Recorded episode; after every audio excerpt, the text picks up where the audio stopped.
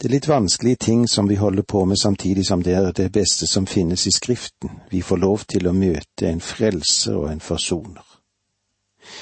I vers tolv kapittel ni leser vi slik fra Hebreerbrevet. Ikke med blod av bukker og kalver, men med sitt eget blod gikk han inn i helligdommen en gang for alle, og således vant han en evig forløsning ved hjelp av sitt eget blodsoffer vant han oss en evig forløsning. Hvordan skal vi forstå ordet forløsning? Det er jo så omfattende. Vi blir jo løst fra fangenskap, vi blir løst fra trelldom, den som vi måtte ha under synden, og vi er forløst ifra døden og fra Satans rike. Vi har samfunn med Gud og med Hans vilje. Denne forløsningen er brakt til veie for oss for evige tider. Innholdet av dette er herlig. Tenk at vi har fått lov til å se inn i den evige forløsningen som Han vant for oss. Kanskje vi òg kan si at dette verset viser oss at Kristus bokstavelig talt tok sitt blod med i himmelen. Vi er inne ved et mysterium her som teksten ikke helt gir oss forklaringen på. Men han gikk inn ved sitt eget blod. Det var et offer som overstråler alle andre ofre, og det eneste som var verdig det nye tabernaklet. Han gikk inn i helligdommen en gang for alle, og således vant han en evig forløsning. Vekten her ligger på kontrasten i at Kristus gikk inn en gang for alle i det aller helligste, og vant en evig forløsning. De israelittiske prester gikk inn kontinuerlig, og de fikk en temporær sanksjon. Bare Kristus gikk inn én gang, og hva skjedde? Han vant en evig forløsning. Dette verset legger autoriteten og vekten på Kristi offer, og det minner oss om at Kristi liv aldri frelste noen. Du kan ikke følge hans lære og tro at du er frelst ved det for hans læres skyld. Det har aldri frelst noen. Det som frelser, er Kristi død, og det er hans forløsning som frelser.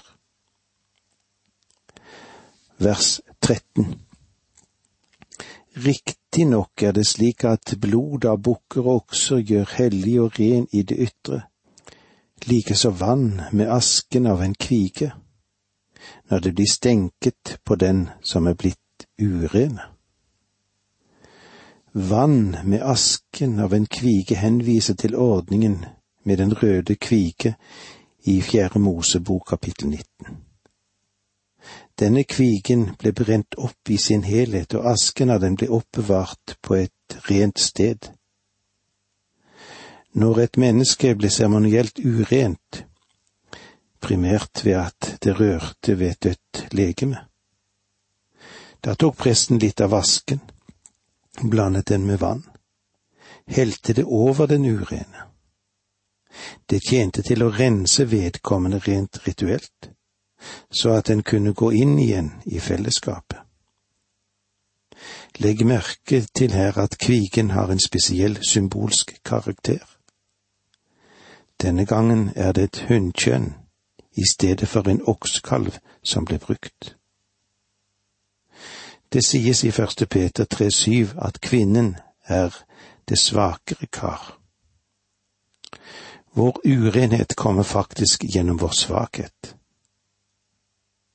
Vi er svake, og Kristus kom ned hit og opplevde fysisk i sin menneskeskikkelse vår svakhet.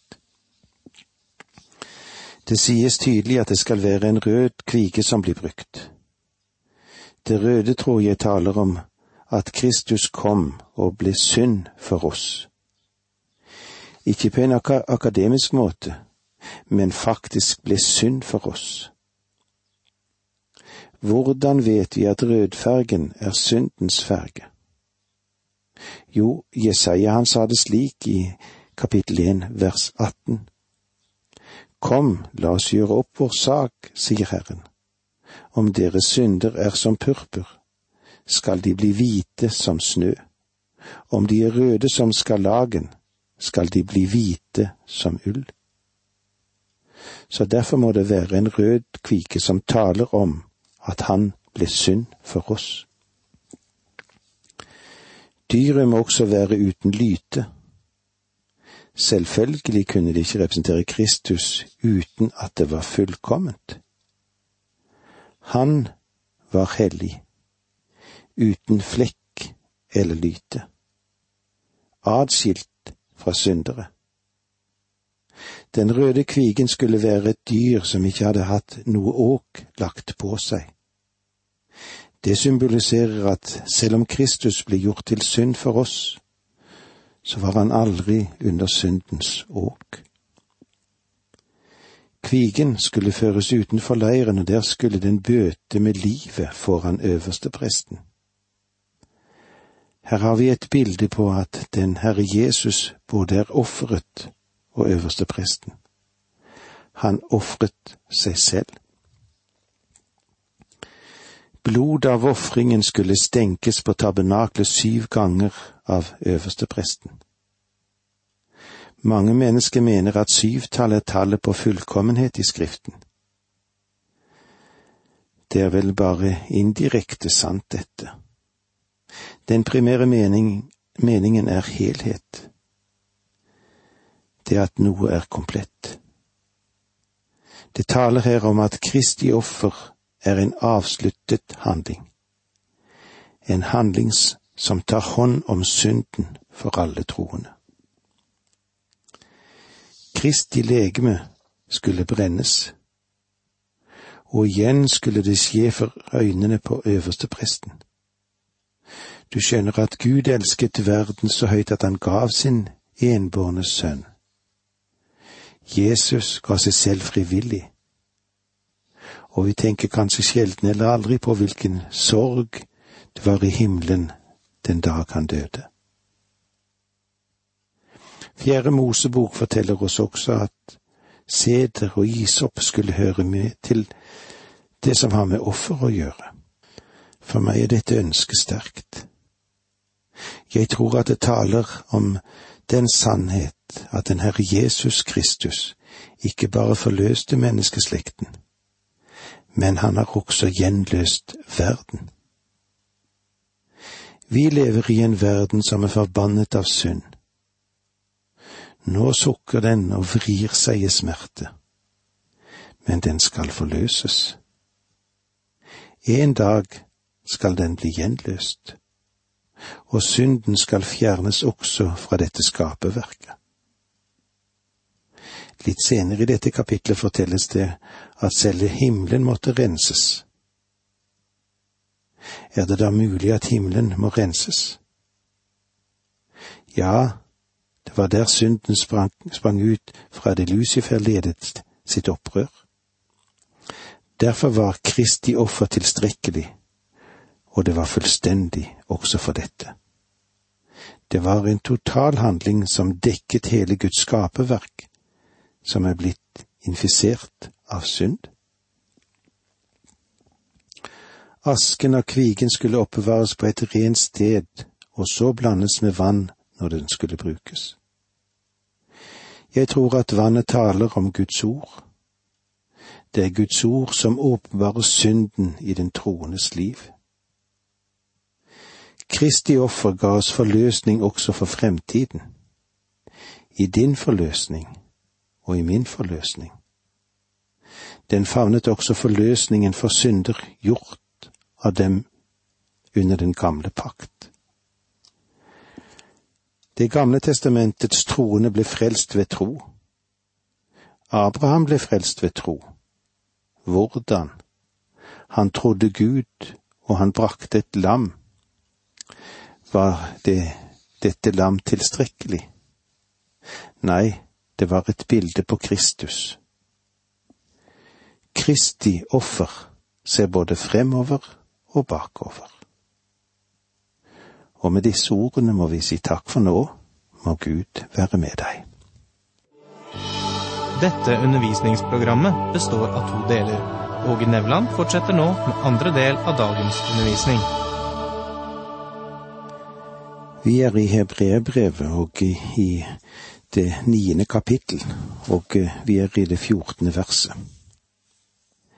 Og her leser vi hvor mye mer skal da ikke Kristi blod rense vår samvittighet fra døde gjerninger, så vi kan tjene den levende Gud. Kristus har jo i kraft av en evig ånd båret seg selv frem som et lyteløst offer for Gud. Om blodet av dyr kunne fjerne rituell urenhet, så kan sannelig Kristi blod ta bort syndens skyld. Saken står jo slik til at om blod av okser og geiter hadde vært tilstrekkelig, ville Kristus aldri ha gitt sitt blod for å skape et tilstrekkelig offer. Hvor mye mer skal ikke Kristi blod rense oss? Vi mennesker, du og jeg, vi vil gjerne dele våre gjerninger inn i det gode og det onde. Og de onde, ja, de trenger vi nåde for men de gode, de er verdifulle både for Gud og for mennesker, slik tenker vi. Men Gud drar denne linjen helt annerledes. I dette ordet som vi har for oss nå, er det tale om døde gjerninger. Og de er ikke onde i alminnelig betydning. De kan tvert imot være meget verdifulle, de, i menneskene sine øyne. Men de er døde. De har ingen sjel. Drivkraften i dem er ingen guddommelighet. Apostelen Paulus sier at disse gjerninger er vanskelig å skille fra de levende. En kan gi føde til de fattige, en kan gi alt han eier, ja, en kan gi hele sitt legeme og brennes men det behøver ikke være noen levende gjerning. Bare den gjerning som er drevet fram av Kristi kjærlighet er levende, og den har Gud velbehag i. Den gjerning, den er ikke vår, men Guds. For Han har virket den i og gjennom oss. De døde gjerninger, de er farlige. I mange tilfeller så kan de være farligere enn det som har direkte med synden å gjøre. Ved døde gjerninger er det fariseeren bygger grunnvollen under sitt frelseshåp, hvor henne? Utenfor Kristus. De døde gjerninger, de er syndige, for de er drevet fram av syndige motiver. Ingen av oss er fri for døde gjerninger. De vokser frem i vårt liv som villskudd i. Også her må Kristus frelse oss. Det er godt å lese disse ordene som vi nå har for oss, i vers 14. Hvor mye mer skal da ikke Kristi blod rense vår samvittighet fra døde gjerninger, så vi kan tjene den levende Gud? Kristus har jo i kraft av en evig ånd båret seg selv fram som et lyteløst offer for Gud. Rense vår samvittighet fra døde gjerninger. Ordningen med den røde kviken i Fjerde Mosebok kapittel ni taler om den troendes liv og den sannhet at som troende trenger både du og jeg en stadig renselse.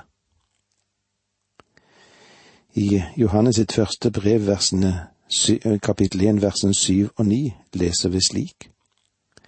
Men dersom vi vandrer i lyset, slik Han selv er i lyset, da har vi samfunn med hverandre, og Jesu, Hans Sønns blod, renser oss fra all synd. Men dersom vi bekjenner våre synder, er Han trofast og rettferdig, så Han tilgir oss syndene og renser oss for all urett. Her ser du at Kristi blod renser, ikke kjødet, men samvittigheten. Det er mennesket sin samvittighet som trenger å bli renset. Du og jeg har ikke nok riktig nådd frem om vi går inn i dette veldige offer Kristus ga av oss. Erkjenner Hans autoritet til å tilgi absolutt og grense oss fra synden. Det er samvittigheten som blir vekket gjennom Guds ord, men den kan også hvile i et fullkomment frelsesverk. Vi kan legge oss til hvile for natten og få vite at våre synder er fullstendig, helt og absolutt tilgitt. Vi vet at vi har et rett forhold til Gud fordi Kristus har gjort det rett. Rense vår samvittighet fra døde gjerninger. Døde gjerninger har å gjøre med gjerninger som du og jeg gjør for å bli frelst. Du skjønner, vi er døde i synder, og vi er døde i overtredelser, og det eneste et dødt menneske kan gjøre, er døde gjerninger. Jeg har aldri hørt noen gang at en død person utførte levende gjerninger. Det kan ikke gjøres. Alt det du gjør for å prøve å fortjene din frelse, er en død gjerning for de døde gjerninger aldri er grunnlaget for frelse. Men et resultat av frelse, det fortsetter nå forfatteren med å si til oss, rense vår samvittighet fra døde gjerninger, så vi kan tjene den levende Gud. Ordet for å tjene er faktisk tilbe. Tilbe den levende Gud Tilbedelse og tjeneste, de går sammen. Du kan ikke tjene Gud uten å tilbe ham, og du kan ikke tilbe ham uten å tjene ham. Når jeg ser late troende som ikke vil gjøre noe for Gud i dag, så stiller jeg ikke spørsmål om deres frelse, men det jeg stiller spørsmål om, er hvordan er tilbedelsen? Tilber de virkelig Gud? Og om vi ville falle ned for ham i tilbedelse og lovprisning. Da tar det ikke lang tid før du vil komme opp på dine føtter og begynne å tjene ham. Gjøre noe for ham. Vi leser videre fra vers 15 i kapittel 9. Så er det Kristus mellommann for en ny pakt. Han døde, og det ble til forløsning fra overtredelsene under den første pakt for at de som er kalt, skal få den evige arv som er lovt. Så er da Kristus mellommann for en ny pakt. Vekten ligger her på at han er en mellommann for en ny pakt. De som kom inn under den gamle pakt, Det gamle testamentets hellige, ble frelst fordi de så frem mot ham som kom da de ga sine ofre. Jeg vet ikke hvor mye de forsto, og likevel sa den Herre Jesus det på denne måten i åpenbaringen 856. Deres far Abraham jublet over å skulle oppleve min dag. Han fikk oppleve den og frydet seg. I første Mosebok forteller det oss ikke noe om dette, men Jesus fortalte om det. Og jeg tror at alle i Det gamle testamentet, de heltene som vi har der, så frem mot Kristi komme. Med andre ord frelste Gud dem på kreditt. Blod av okser og bukker tok aldri bort deres synd. De brakte sine offer i tro, og da Kristus kom, da døde han for de syndene som var begått, som det står i Romerbrevet 325. Det betyr at han døde for alle synder, fra Adam og helt fram til korset. Og siden da kommer du og jeg til ham, i tro og tillit. I vers 16 leser vi slik, Det er med pakten som er testamentet. Det må godtgjøres at den som har opprettet det, er død. Den nye pakt her i dette verset som vi leser, er et testamentet, og ordet betyr her det samme som den siste vilje. Et menneske som har opprettet et testamente, former der sin vilje i en sum. Og hvordan er det med arvingene? Jo, de mottar først arven når testamentators død er gjort kjent. Om den evige dom sier Jesus at kongen skal si til dem ved sin høyre side. Arv det rike som er beredt dere, fra verdens grunnvoll belagt. Og dette er den evige arv. Det var så langt vi kom i dag. Takk for nå må Gud være med deg.